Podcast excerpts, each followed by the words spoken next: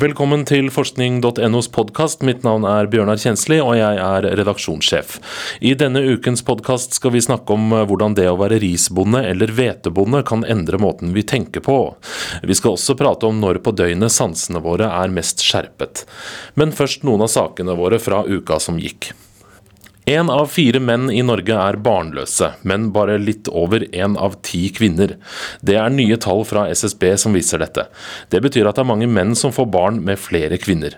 En av grunnene til at så mange menn ikke får barn, er at forventningene til norske menn har økt sterkt, forklarer Ann Margrit Jensen, som er sosiologiprofessor ved NTNU.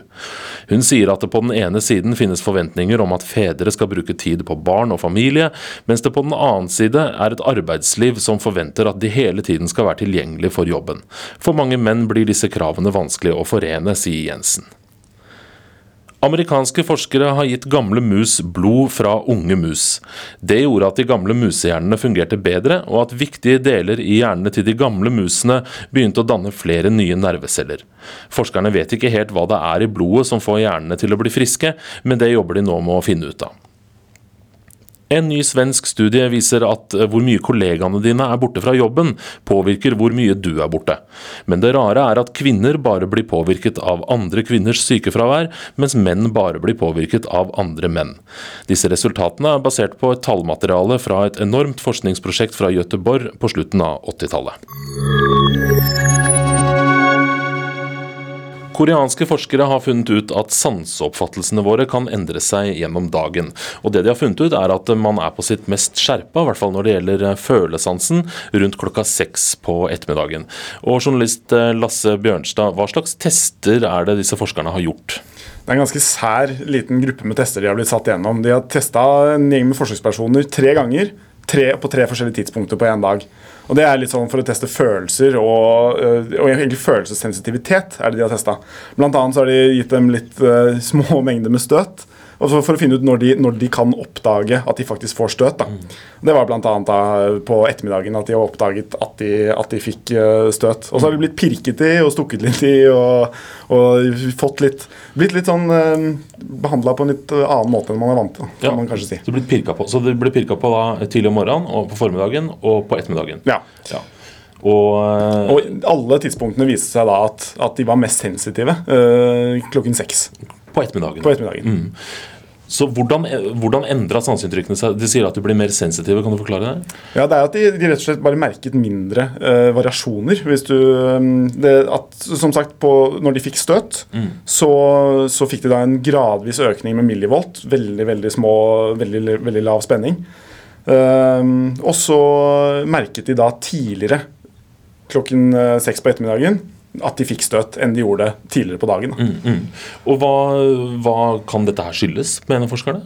Det, de, de, vet ikke helt. Det, det, er, det, er, litt sånn, det er ikke det studien har sett på. De har liksom bare sett på at det er noen endringer i løpet av dagen. Men uh, de spekulerer i at det er, det er rett og slett rytmer som vi har i løpet av dagen. Det er, er forskjellige nivåer med hormoner, det er forskjellige nivåer med, med, av kroppstemperatur. Det er, faktorer da, som endrer seg, og som, som da gjerne går i en daglig rytme.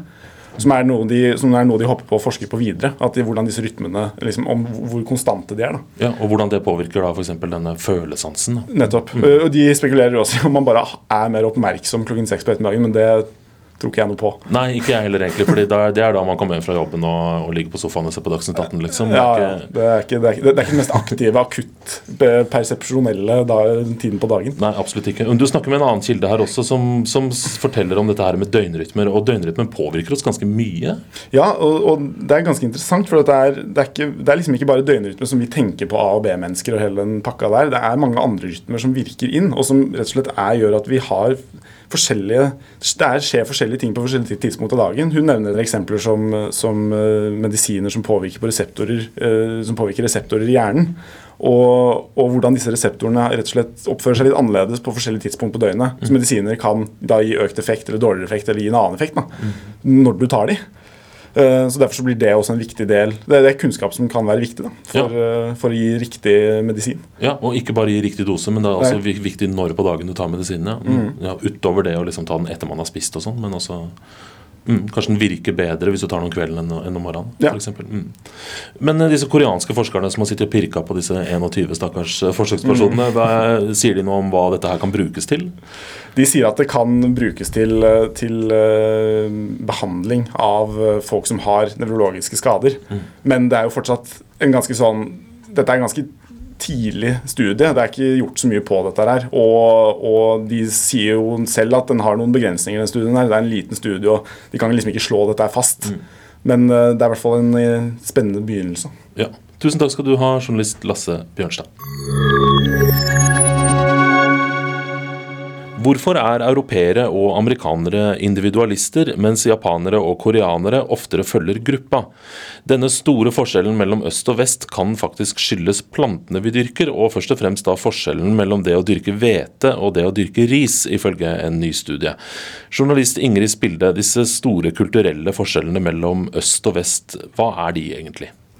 Vi tenker jo eh, på dem som klisjeer, men eh, det er faktisk sånn at eh, det finnes mange studier innen psykologi som, som støtter opp under dette her. At det er forskjell i hvordan vi tenker individualistisk og gruppemessig. Og at dette her også er mer dyptgripende i hvordan vi Hva slags type tankemønster vi har. F.eks. så mener de at i Vesten så dominerer det en mer analytisk tenkemåte som uh, har vekt på logisk resonnering og abstrakte kategorier, mens uh, i Øst-Asia så er det mer vanlig å tenke holistisk, altså intuitivt, og ha fokus på forbindelser mellom ting og folk istedenfor disse abstrakte kategoriene. Um, du kan teste det litt sjøl, en, en sånn enkel oppgave som også disse forskerne bruker i en del sammenhenger. Altså, hvis du hører tre ord tog, buss og skinner. Hvilke av de tre ordene hører sammen i et par? Mm, tog og buss. Hvorfor det? Fordi de begge kjører bortover. Ja, ikke sant? Mm. Begge transportmidler. Mm. Og det er en abstrakt kategori som, eh, som sier at disse her er to, eh, er to, transportmidler, selv om de er forskjellige. Mens, eh, og, og det er knytta til den analytiske tenkemåten. Mens en holistisk tenkemåte, da ville du sagt at tog og skinner uh, hører sammen. For dem, uh, toget må jo gå på skinner. Mm. De, de, har en sånn funksjonelt uh, samhørighet, på en måte. Um, og, og, dette her er visst en forskjell mellom hvordan vi tenker i Vesten og i Østen. Denne forskjellen må jo gjelde nesten alt. Altså Det er en ganske dyp, forskjellig måte å tenke på? Ja, det, mm. det, for meg så virker det sånn. Og disse forskerne syns jo også tydeligvis det. Mm. Men hva har det her med ris å gjøre? altså med ris og hvete, som, som jeg snakka om i, i, introen her. Jo, det er jo det, da. At man har jo lurt veldig på hva, hva er det som er bakgrunnen til disse forskjellene, mm. og tenkt på alt fra gener til religion. Men nå mener altså disse forskerne som nå publiserer i Science, at uh, det vi dyrker, har en veldig stor innflytelse på hvordan vi tenker, fordi at det, det, det krever forskjellige ting. Og det å dyrke ris eh, er visst eh, veldig mye mer eh, krevende både arbeidsmessig og samarbeidsmessig enn det å dyrke hvete. Altså Risen skal jo stå i, sånn, stå i vann. Det krever vanningsanlegg. og det å bygge opp sånne anlegg og vedlikeholde dem, det er mm, mye arbeid. Og man må også samarbeide med naboene fordi uh, din vannbruk kan uh, påvirke naboen. Sånn at man må koordinere uh, driften sin på en helt annen måte. Og det er faktisk beregninger skriver disse forskningene, som viser at det krever dobbelt så mye arbeid altså dobbelt så mange timer arbeid å dyrke ris som å dyrke hvete. Ja. Sånn at det er ikke noe du gjør sjøl. Det er ikke sånn som du og familien din gjør. Det er sånn som du og landsbyen din eller gruppa du, klanen, altså gruppa du er med i, uh, gjør. Mm. Uh, for å få det til på en ordentlig måte. Mm. og det former jo også samfunnet og kulturen, tenker disse forskerne. At da blir det egenskaper som blir, altså Evnen til godt samarbeid for eksempel, blir veldig verdifullt. Og tette bånd i gruppa er viktig. Og det å unngå atferd som skaper konflikter, blir også veldig viktig. Mye viktigere enn det det vil eh, være hvis du er en egen familie som kan dyrke hveten din sjøl og dritt i naboen. Mm, mm. Ja, For det går rett og slett ikke, fordi jeg er avhengig av naboen min for at jeg skal få det vannet for eksempel, da, som kreves til risdyrkinga hvis, hvis jeg bor i, i Kina og dyrker ris. da. Men hvordan har forskerne funnet ut dette her? Det virker jo ganske Det er jo ganske spesiell forskning. altså Det er ganske eh, rare tanker, dette her. Hvordan har de klart å undersøke dette her? Ja, Det høres jo litt koko ut. Og så tenker man at ok, hvis du tar en amerikaner, da, amerikansk hvetedyrker og sammenligner med en, eh, en koreansk risbonde, så er det så utrolig store forskjeller på dem at det er nesten helt umulig å sammenligne. Men det de har gjort, da, er at de har gått til Kina. fordi i Kina så dyrker man både ris og hvete. Og så er det ganske store forskjeller mellom provinser. sånn at du kan ha en provins hvor nesten alt jordbruk, eller alle, alle bøndene dyrker ris, mens eh, det motsatte er, er tilfellet i provinsen ved siden av, f.eks., eller i andre provinser. For der blir det mye mer likt. Der har du jo likt styresett, eh, likt språk, eh, mye i kulturen er likt, sånn at det blir mye lettere å sammenligne. Og det de har gjort, er at de har tatt studenter fra forskjellige regioner i Kina, og så har de testa dem på, med masse forskjellige oppgaver. Litt sånn som den som vi snakka om uh, tidligere. Ja. Ehm, for å se liksom hvordan de scorer på eh, altså sånn, å være individualistisk, uh, gruppetilhørighet, lojalitet til gruppa, hvordan de plasserer seg sjøl i forhold til gruppa. Så de har gjort masse sånn morsomme tester. Det er ikke sånn spørreundersøkelser av hvordan man føler seg, men det er mer sånn nå skal du tegne det sjøl og alle vennene dine og familien din, og så ser de på hvor stor um, du tegner det sjøl i forhold til de andre. For det er det nemlig masse undersøkelser før som, eh, som har dokumentert. Det, det sier noe om, om eh, hvordan du tenker individualistisk, f.eks. Mm. I USA så tegner man seg sjøl ganske stor i forhold til resten. I Europa er vi sånn kan litt mindre. Og i eh, deler av Østen så tegner man seg sjøl kanskje, kanskje mindre enn de andre folkene rundt seg. Så det er sånne type tester, litt morsomme, som har eh, eh, Hvor de har rett, rett og slett eh, sett hva slags personlighetstype disse studentene er, og så selvfølgelig sammenligna med um, om de kommer fra Ris-provinser, eller om de kommer fra hveteprovinser.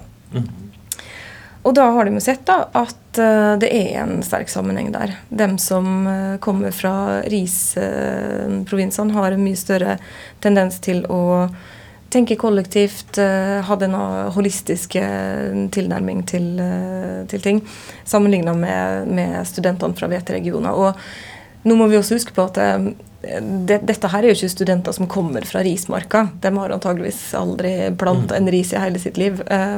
Så, så dette er, mener forskerne er liksom kulturelle forskjeller som, eh, som har grodd fast i de eh, samfunnene, selv om man nå kanskje flesteparten av folkene ikke jobber i landbruket. Det sitter mye dypere, sitter i familiestruktur og språk og sånne ting Mm. som ligger mye dypere enn eh, enn det. ja. Ja, det, det, det er sånn jeg oppfatter forskninga. Mm. Spennende. Tusen takk skal du ha, journalist Ingrid Spilde. Saken om eh, når på døgnet sansene våre er mest skjerpet, og også saken om eh, risbøndene og hvetebøndene og måten vi tenker på, kan du lese på nettsidene våre forskning.no. Vi er tilbake med en ny podkast i neste uke.